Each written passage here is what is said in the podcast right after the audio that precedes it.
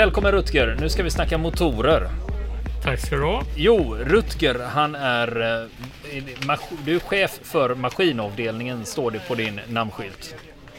Och det stämmer. Bra. Ja. Hur mycket maskiner har ni här? Vi har ganska många maskiner men eh, eh, om vi tar de historiska maskinerna så är det bara den här som vi har hållit på med nu som fungerar. Det finns eh, maskiner som är rostiga och nästan eh, nerskrotade. Du har en eh, maskin står här alldeles utanför en jättestrålkastare. Den, den lär inte funka i första taget. Nej, jag har också lagt märke till den. Vad skulle krävas för att få ordning på den? Ja, att maskingruppen eh, hanterade den under eh, cirka fyra till fem år.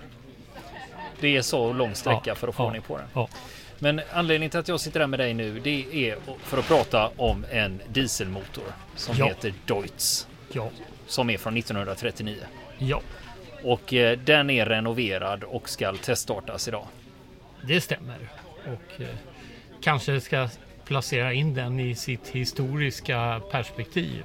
Att den eh, kort eh, innan eh, som den kom 1939 så fanns det svensktillverkade motorer inne i berget.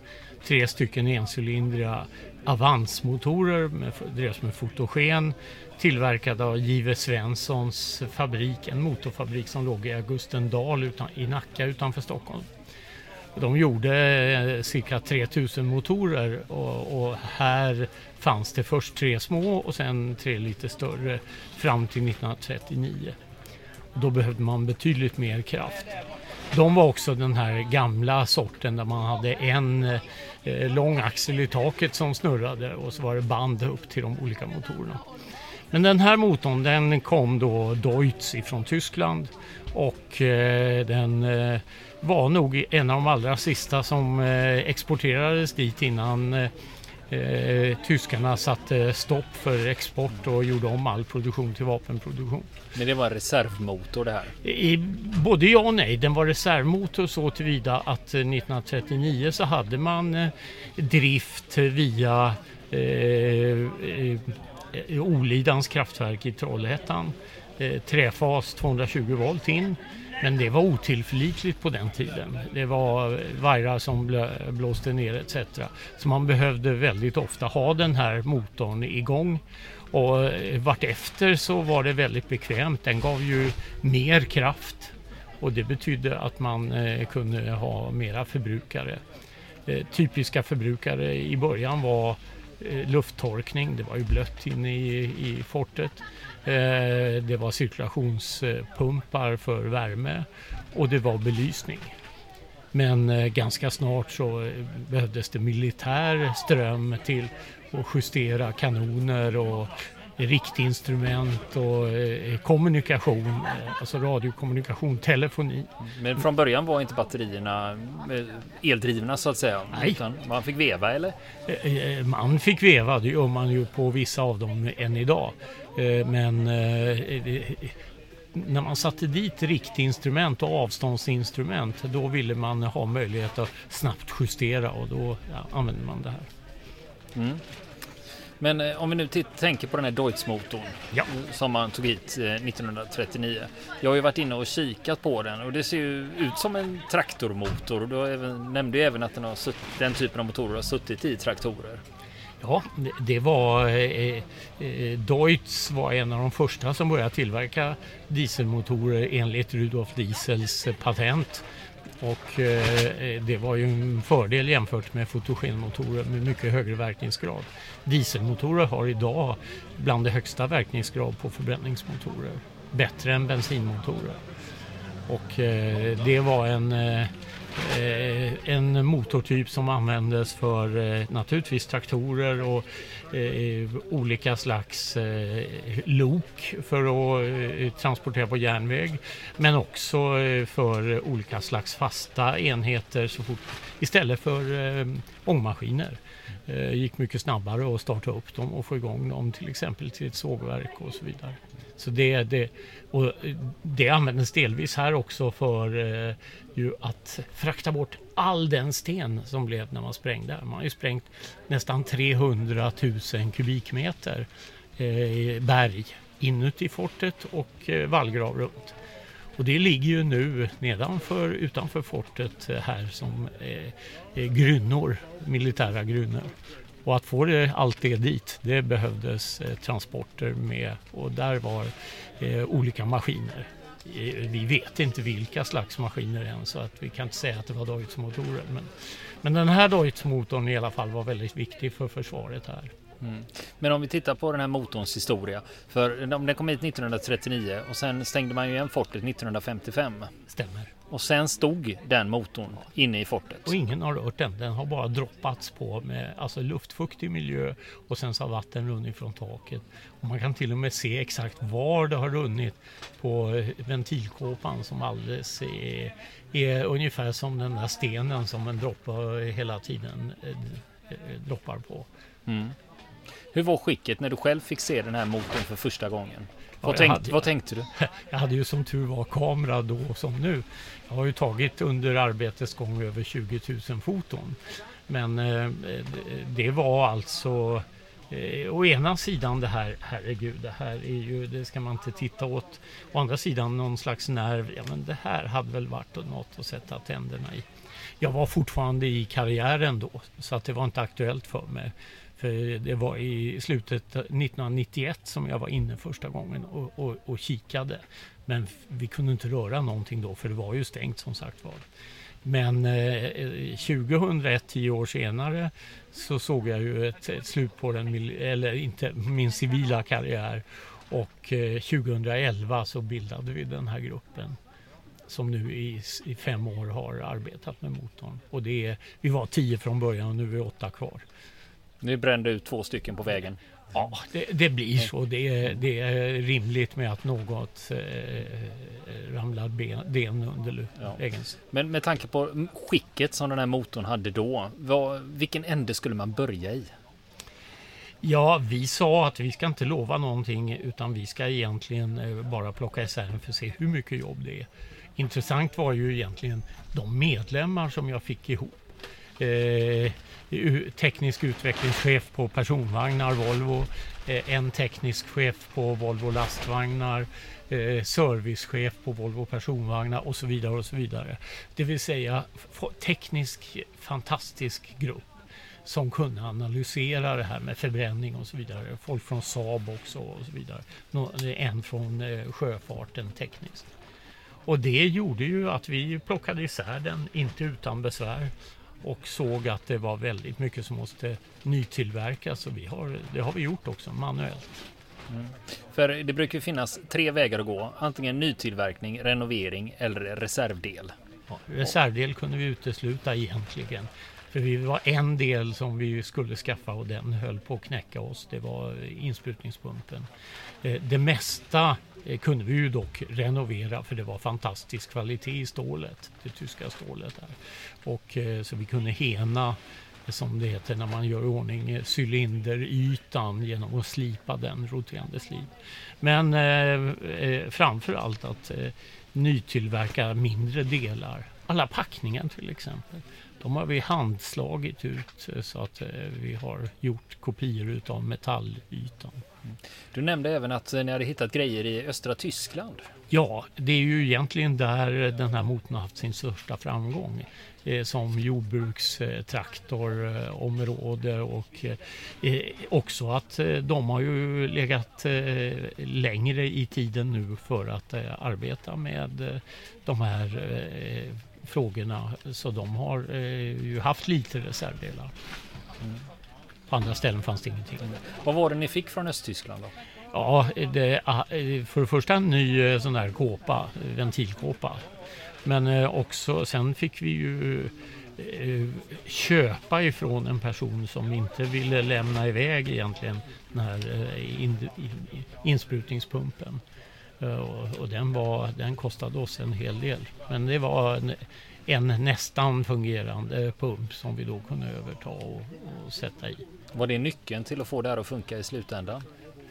En av nycklarna i alla fall. Det var, nyckel var också att skicket var så pass bra så att vi kunde göra renovering. Om du skulle gissa på antal, du vågar inte ens gissa på antalet timmar ni har lagt ner på det här eller? Eh, Vi har en logg på det. Okej. Eh, Så att eh, vi ser att vi har gjort ungefär en mellan eh, 9 och 16 000 timmar. Mm. Hela gruppen. Vi är en gång i veckan mellan 4 och 6 timmar i, i veckan per gubbe. Ja. Det är vad vi har gjort. Ja, men eh, när ni väl hade kommit så långt så att eh, ni trodde att ni skulle kunna få igång den. Var eh, första gången då efter renoveringen. Hur gick snacket och vad tänkte ni? Eh, det var eh, bland annat några som då trodde att det var hopplöst och som hoppade av. Och sedan eh, har vi väl haft en diskussion med att gå igenom och göra en slags ny Eh, revision med jämna mellanrum för att säga hur står vi nu? Vi har haft en del bakslag också. Eh, ett stort bakslag eh, som inte är så lätt att fixa själv var topplockspackningen. Den fick vi gå då till gamla Östtyskland och, och hitta folk som var duktiga på det här. Men de, vi fick fel packningar ändå så att då blev det kanske sex månaders förskjutning Mm. och det räckte för att nästan knäcka oss då. Ja. Men tillverkade de de här topplockspackningarna? Handgjorde som man gjorde en gång i tiden. Man Ja. handgjorde de här och, och det, ja. Eh, Så nu har vi totalt tre stycken packningar så vi har något att, att gå på ifall, ifall det skulle gå sönder. Men rent tekniskt, detta är en dieselmotor. Ja. Ja. Och eh, du kan berätta hur startsekvensen ser ut när man ska ha igång den här. Ja, det, den är ju inte heller särskilt vanlig. Det, är- den här dieselmotorn har ju inte en enda elektrisk ledning, ingen startmotor, ingen generator och så vidare, utan den är rent mekaniskt. Och då frågar man sig, hur kan man få igång den? Ja, man kan ju veva igång den. Men eh, då, då, det är väldigt, väldigt arbetsamt. Eh, därför så har man en eh, stor tank, ser ut som en, nästan en bomb, som är stående vid svänghjulet. Jag tyckte det såg ut som en acetylenflaska. Ja, kan man säga. En förstorad acetylenflaska. Precis. Och den, eh, den eh, eh, fyller man med avgaser eh, när motorn snurrar alldeles innan den ska stannas. Eh, Och det gör att man får ett tryck på ungefär en 20 bar. Det är ganska mycket för om man tänker högt när det gäller en vanlig sån här eh, kompressor till för att eh, fixa däcken på bilen så ger de ungefär 8 bar som mest. Och då måste man alltså upp väldigt, väldigt högt. Det är få kompressorer som har så här högt tryck. Och eh, har man en eh, sån kompressor så kan man naturligtvis ta, ta hjälp av elektricitet idag för att få upp starttryck. Men på den tiden då skulle man alltså sista 10 minuterna fylla den här tuben med avgaser. Den visste ju sen inte när han skulle starta om det var avgaser eller ren luft så att säga. Det fanns ingen försämring i, i det, det var trycket bara som avgjorde. Och så släppte man det baklänges in och då tryckte ju trycket på cylindrarna i rätt ordning. Och på det sättet så fick man ehm, eh, motorn att börja snurra. Om den var vriden till rätt startläge. Eh, så det måste man eh, göra. Hur lång tid kom du på, kom, tog det innan ni kom på det här med att det måste stå i rätt startläge? Nej, det tog inte så lång tid därför vi har ju flera dieselmotormänniskor och eh, bland annat eh, är en av de som har varit med och konstruerat de, de nya dieslarna till Volvo. Eh, de här D3, D4 motorerna är med i gruppen. Vilket ju gör att vi har en väldig nytta av sån kunskap. Så det visste vi ganska snabbt hur vi skulle göra. Men vi har inte haft några bra manualer och sånt. Nej, men eh, om du sa att det fanns ingen, inga elektriska sladdar i den, men i en modern dieselmotor så har du ju glödstift Ja. som värms upp och så glöder de och så antänder det dieseldimman under tryck. Men Ja. hur fungerar den här maskinen? Du är bra påläst eftersom den här maskinen är unik även i det fallet. Den har eh, hållare för eh, små luntor som eh, antänds av tryck, av högt tryck. Och engångs, så man tar ut en sån här med gänga och så sitter det som ett tändrör längst in och så trycker man in en sån här liten patron som är en lunta. Och så gör man det i alla tre och sen så när man startar så antänds de och då håller de sig glödande i ett antal slag, låt oss säga under en halv minut. Vilket gör att motorn kan få en ordentlig start. Sen startar den ju, eller hålls den igång utav kompression. Diesel eh, antänds ju av hög kompression. Så det är, hem, det är det så att säga hemligheten med den. Det är som en tändkulemotor då ungefär. Att det är alldeles det, riktigt. Det är kompressionen i kombination med värme gör att det antänds då. Precis, så är det. Mm. Och den här motorn hade man ju då för att driva en generator. Ja, Eh, och generatorn den var lika illa som eh, den andra eh, delen. Men eh, där fick vi bra hjälp utav eh, ASEA som hade tillverkat den, numera ABB, och som har ställt upp och, och jobbat med så vi har fått den i skick.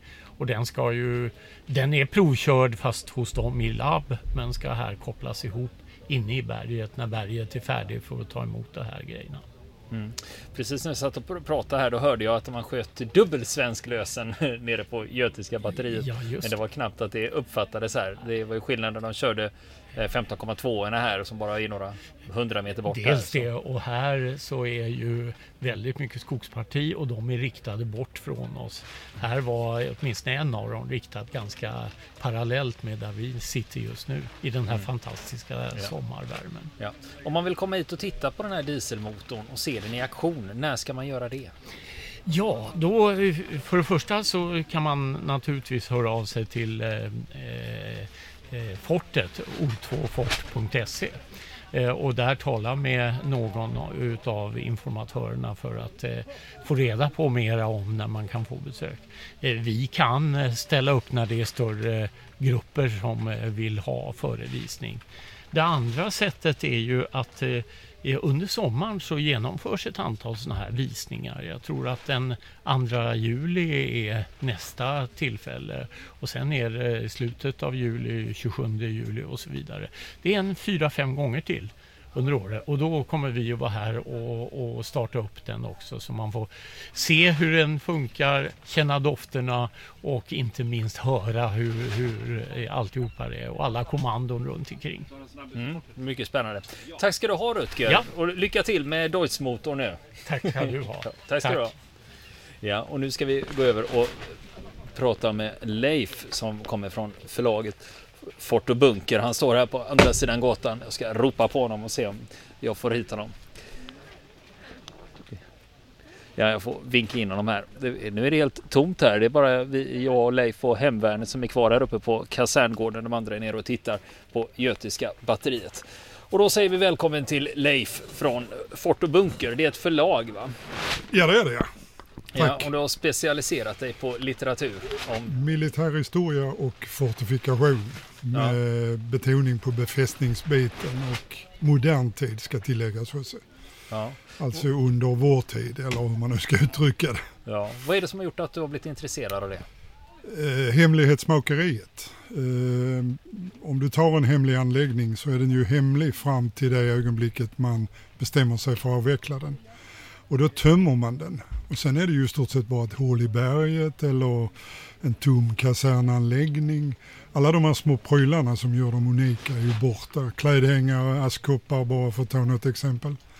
Eh, prylar som idag är omöjliga att återskapa. Om du till exempel skulle återställa ett batteri på Göteborgskusten eh, här någonstans så skulle du få väldigt stora problem att hitta grejer till. Mm. Inte ens en museerna har dem. Ja. Men du som vurmar för den här typen av anläggningar, du måste ju ha skurit i hjärtat på dig när du har sett vad som har hänt i Sverige de senaste 30 åren. Ja, och både, både och kan man väl säga. Jag inbillar mig ju då att man har börjat att smida plogar istället för svärd. Eh, och att eh, någonstans så drömmer du väl kanske att vi behöver ingen försvarsmakt för det finns ju inga krig, så skulle det ju varit ju. Tyvärr är det väl så att fienden har ändrats. Jag är inte riktigt säker på att det är stridsvagnar, fartyg och flygmaskiner man behöver i ett nytt kommande krig. Eh, även om det finns tendenser på att man går tillbaka till konventionell krigföring om man tittar på Sovjet eller Ryssland till exempel. Eh, med Krimövertagandet och det här. Eh, men någonstans försöker jag vara positiv och tänka det händer inte här. Jag läser Operation Garbo istället och så tror jag att det händer inte mer än i böckerna. Ja, precis. Eh, men eh, om, vi tittar på din förlagsverksamhet. Eh, är det, även den heter Fort och Bunker, är den bred, det är väl bredare än så? Ja, alltså jag började med att skriva om Skånelinjen som var ju den här truppbefästningslinjen som byggdes under andra världskriget längs den skånska kusten.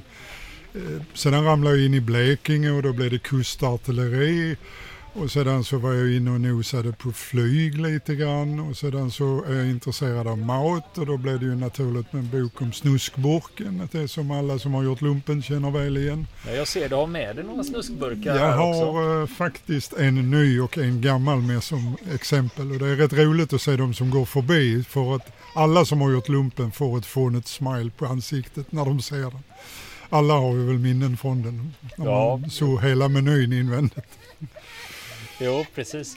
Men har du märkt det, snuskburkar, om de, är de populära att använda som campingkök också? Ja, jag har kompi, dem, kompisar de... som använder dem, men jag vet inte. Det tar, jag... rätt, det tar rätt lång tid om du ska... Ja, alltså det tar 20 minuter att koka vatten i dem. Ja, det går ju fortare med de här små gasolbrännarna ja, man köper absolut, i absolut. Eh, och idag har du ju sådana här Eh, själv har jag någon gång använt de amerikanska eh, meal ready to eat som det heter där du knäcker en värmestav eller tillsätter lite vatten så får du en kemisk reaktion. Just det. Eh, dyrare men enklare. Om man nu någon gång skulle ge sig på det. Jag tycker det är bättre att stanna och käka mat istället. Ja. Jag försöker kombinera socialliv med militärliv. Ja, precis. Eh, men om vi tittar på förlagsverksamheten. Vad är det för typ av böcker som du märker att folk är intresserade utav? så fort du har ordet hemligt med i boksammanhang, åtminstone i mina böcker, så, så drar det extra mycket. Eh, Blekinge hette Blekinge, det hemliga landskapet. Och det berodde ju på att du fick inte vistas i skärgården till exempel om du var utlänning. Eh, du hade många öar som hade besöksförbud, du fick inte stiga land på dem. Eh, det fanns eh, otroligt mycket grejer i lilla Blekinge skärgård som man inte hade en aning om. Och jag vet för något tillfälle så räknar jag till ungefär 11 000 konstruktioner i betong.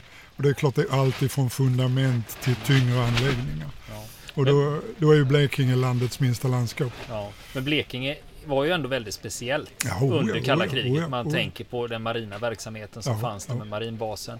Och sen även fortifikationerna som till exempel Kungsholms fort mm, mm. som ligger där ute. Jag vet, jag var ju där då när mm. på den tiden när, det in, när allmänheten inte hade tillträde. Mm. Och det är precis det du beskriver det här med att det är hemligt. Mm. Det finns något kittlande i det den, där. Den bok som har sålt mest av mina böcker det är den som handlar om Muskö. Och den är ju det känns nästan som om alla män är födda med en bild av Muskö. Alltså det är ytterst sällan du träffar folk som inte vet vad Muskö är för någonting. Mm. Och då är ju Muskö bara egentligen en ö i Stockholms södra skärgård. Det är ju den militära biten som borde ju vara rätt hemlig, skulle inte varit så känd som den är. Ja. Nej, för första gången jag kom i kontakt med Muskö, det var i en bok som handlade om fantastiska konstruktioner i hela världen. Det var Golden Gate-bron och Taj Mahal och då var mm. även Musköbasen med. Att man hade byggt ett helt varv mm. med, med, och även sjukhus och hela den här gigantiska mm. anläggningen inne i berg och att det skulle vara något unikt. Ja, det är ju unikt så tillvida att ofta så hör du skrönor om att man pratar om sjukhus i berg. Och det beror ju på att när man byggde berganläggningar så använde man oftast sjukhus som svepskäl vi ska spränga ett sjukhusförråd eller vi ska göra ditten och datten.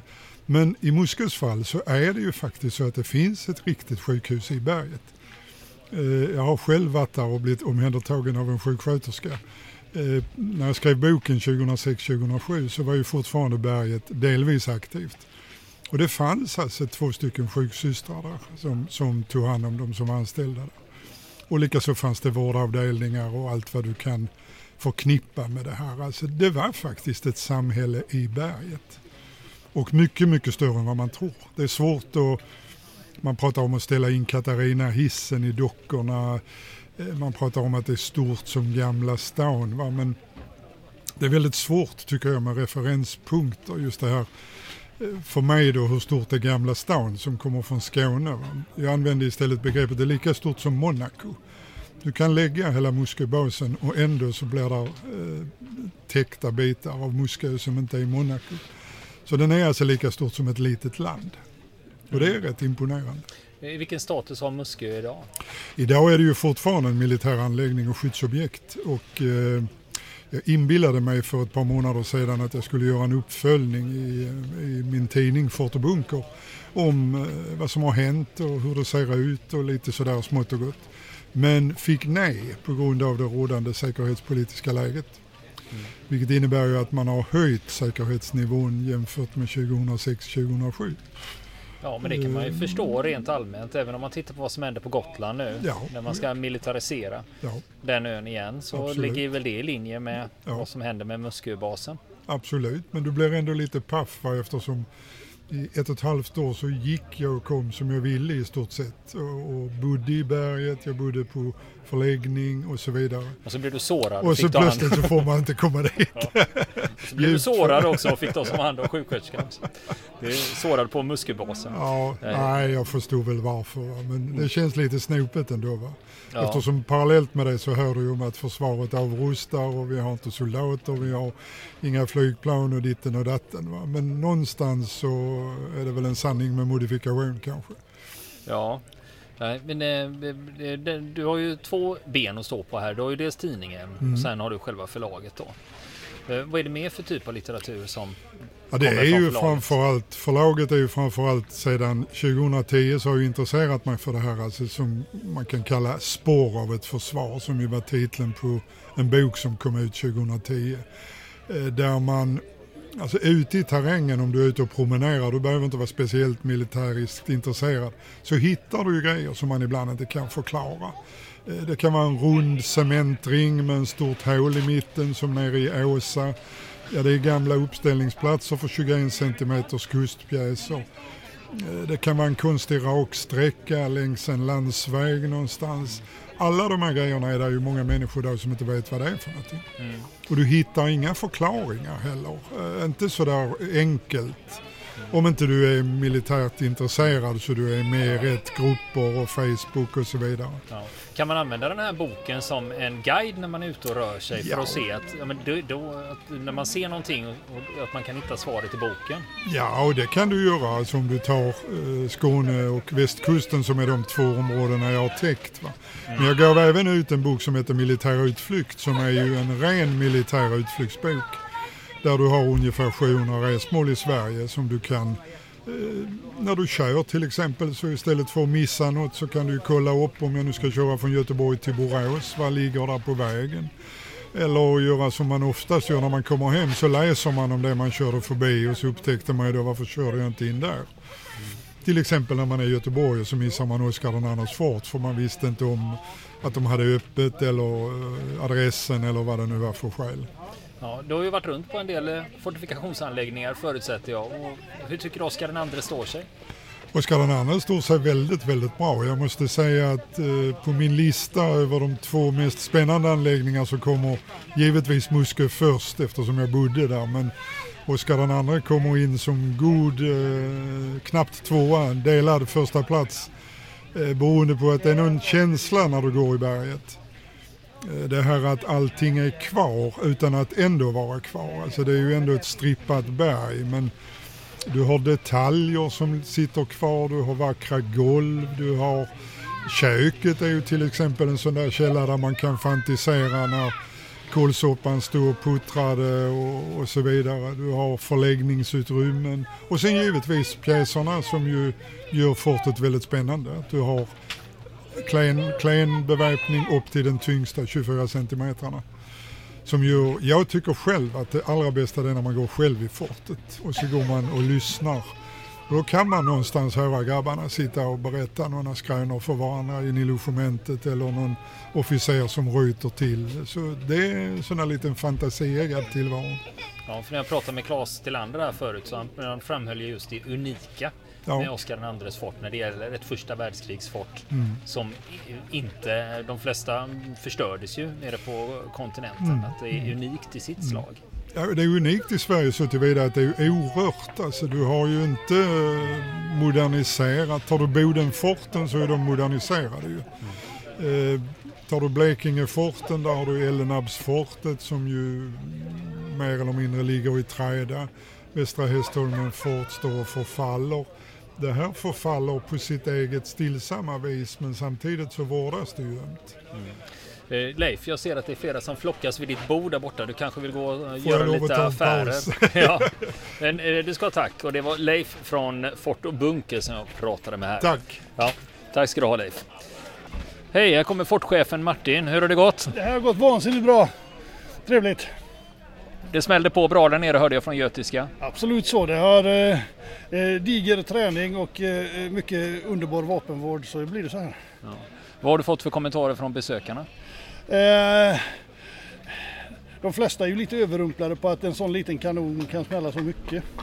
Man tror inte det, men det blir rätt mycket eh, pang så att säga. Så det är jättetrevligt.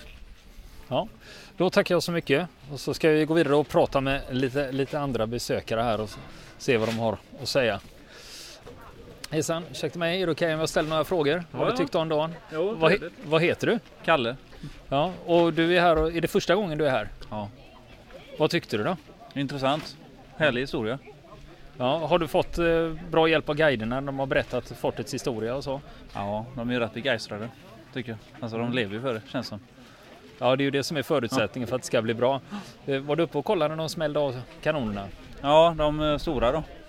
Och det small ju kan man ju säga. Hade du en föreställning om hur det skulle vara innan du kom hit? Nej, alltså man har ju varit på sådana här liknande ställen så. Man har varit på lite forter och borgar och sådär. Men eh, det är ju intressant att det finns bevarat också så mycket med kanoner och historien och just att det finns bevarat med guider och den här biten. Det är ju intressant att höra. Om man tänker sig, du säger att du har varit på andra fort också. Finns det något annat eh, fort eller fästning du skulle kunna rekommendera om man ska besöka? Ja, man kan ju bara åka upp till Karlstens fästning. Det är ju också en intressant historia bakom det. Och det är mycket vackert och fint och mycket bevarat med. Så att, eh, absolut. Har du någon speciell epok som du är särskilt intresserad av när det gäller fort och befästningar? Nej, det tycker jag inte. Det är väl inte så att man har något, något brinnande intresse så. Men det är ju kul med den svenska historien. Mm. Ja, just det. Göteborg under jord fick jag påminna om här. va? Ja, har vad är det? Ja, I Göteborg eh, har de en eh, guidad tur som man kan eh, titta på då. Man ser hur det såg ut förr inom vallgraven och så här. Så att, det, är, det är en intressant historia att lyssna på också. Är det Corolus Rex och de här anläggningarna man besöker då? Ja, det är, ja precis. Ja. Så att det, nej, det är spännande. Ja, men eh, tack ska du ha. Hoppas du haft en trevlig dag. Vi ska prata med lite mer besökare här. Hej, och du heter? Mikael. Vad var det som lockade?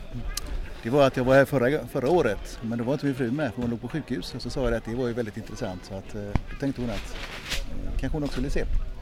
Så jag har gått en liten sväng. Just nu har nu lämnat tillbaka någon karta eller något såg jag. Så. Okej, Så.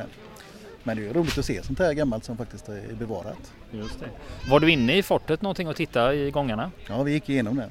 Även uppe i kanonen och tittade på undersidan och hur det ut. Var det någonting du såg i år som du missade förra året? Ja, det tror jag inte faktiskt. Och möjligtvis undersidan på kanonen där man skjuter salut där. Där var jag inte uppe förra året. Men annars. Finns det något annat besöksmål av den här kalibern som du känner till som du har varit på eller som du skulle kunna rekommendera? Ja, Det var en svår fråga. Ja. Nej, inte direkt den här kalibern för det finns ju inget liknande än detta vad jag vet. Det skulle i så fall vara gamla Kviberg då också om man kan eh, titta där. Jag vet inte om eh, man kan komma in där på något sätt. Det är väl inte så mycket bevarat av eh, anläggningen egentligen utan det är mera husen. Ja, men då tackar vi så mycket för det Mikael. Ja, tack ska du ha. Och med det så avslutar vi sändningarna från Oscar den andres fort och det här kommer som sagt att läggas ut på våran podcast så ni kan lyssna på våra avsnitt. Tack ska ni ha. Eh, jag heter Robert Lindberg och ni har lyssnat på Fronten Podcast live från Oscar den andres fort idag den 6 juni. Eh, vi hörs! Och då har det blivit dags att dra vinnarna i våran jubileumstävling. Och det ni skulle hålla utkik efter, det var vilket ljud är det ni hör här?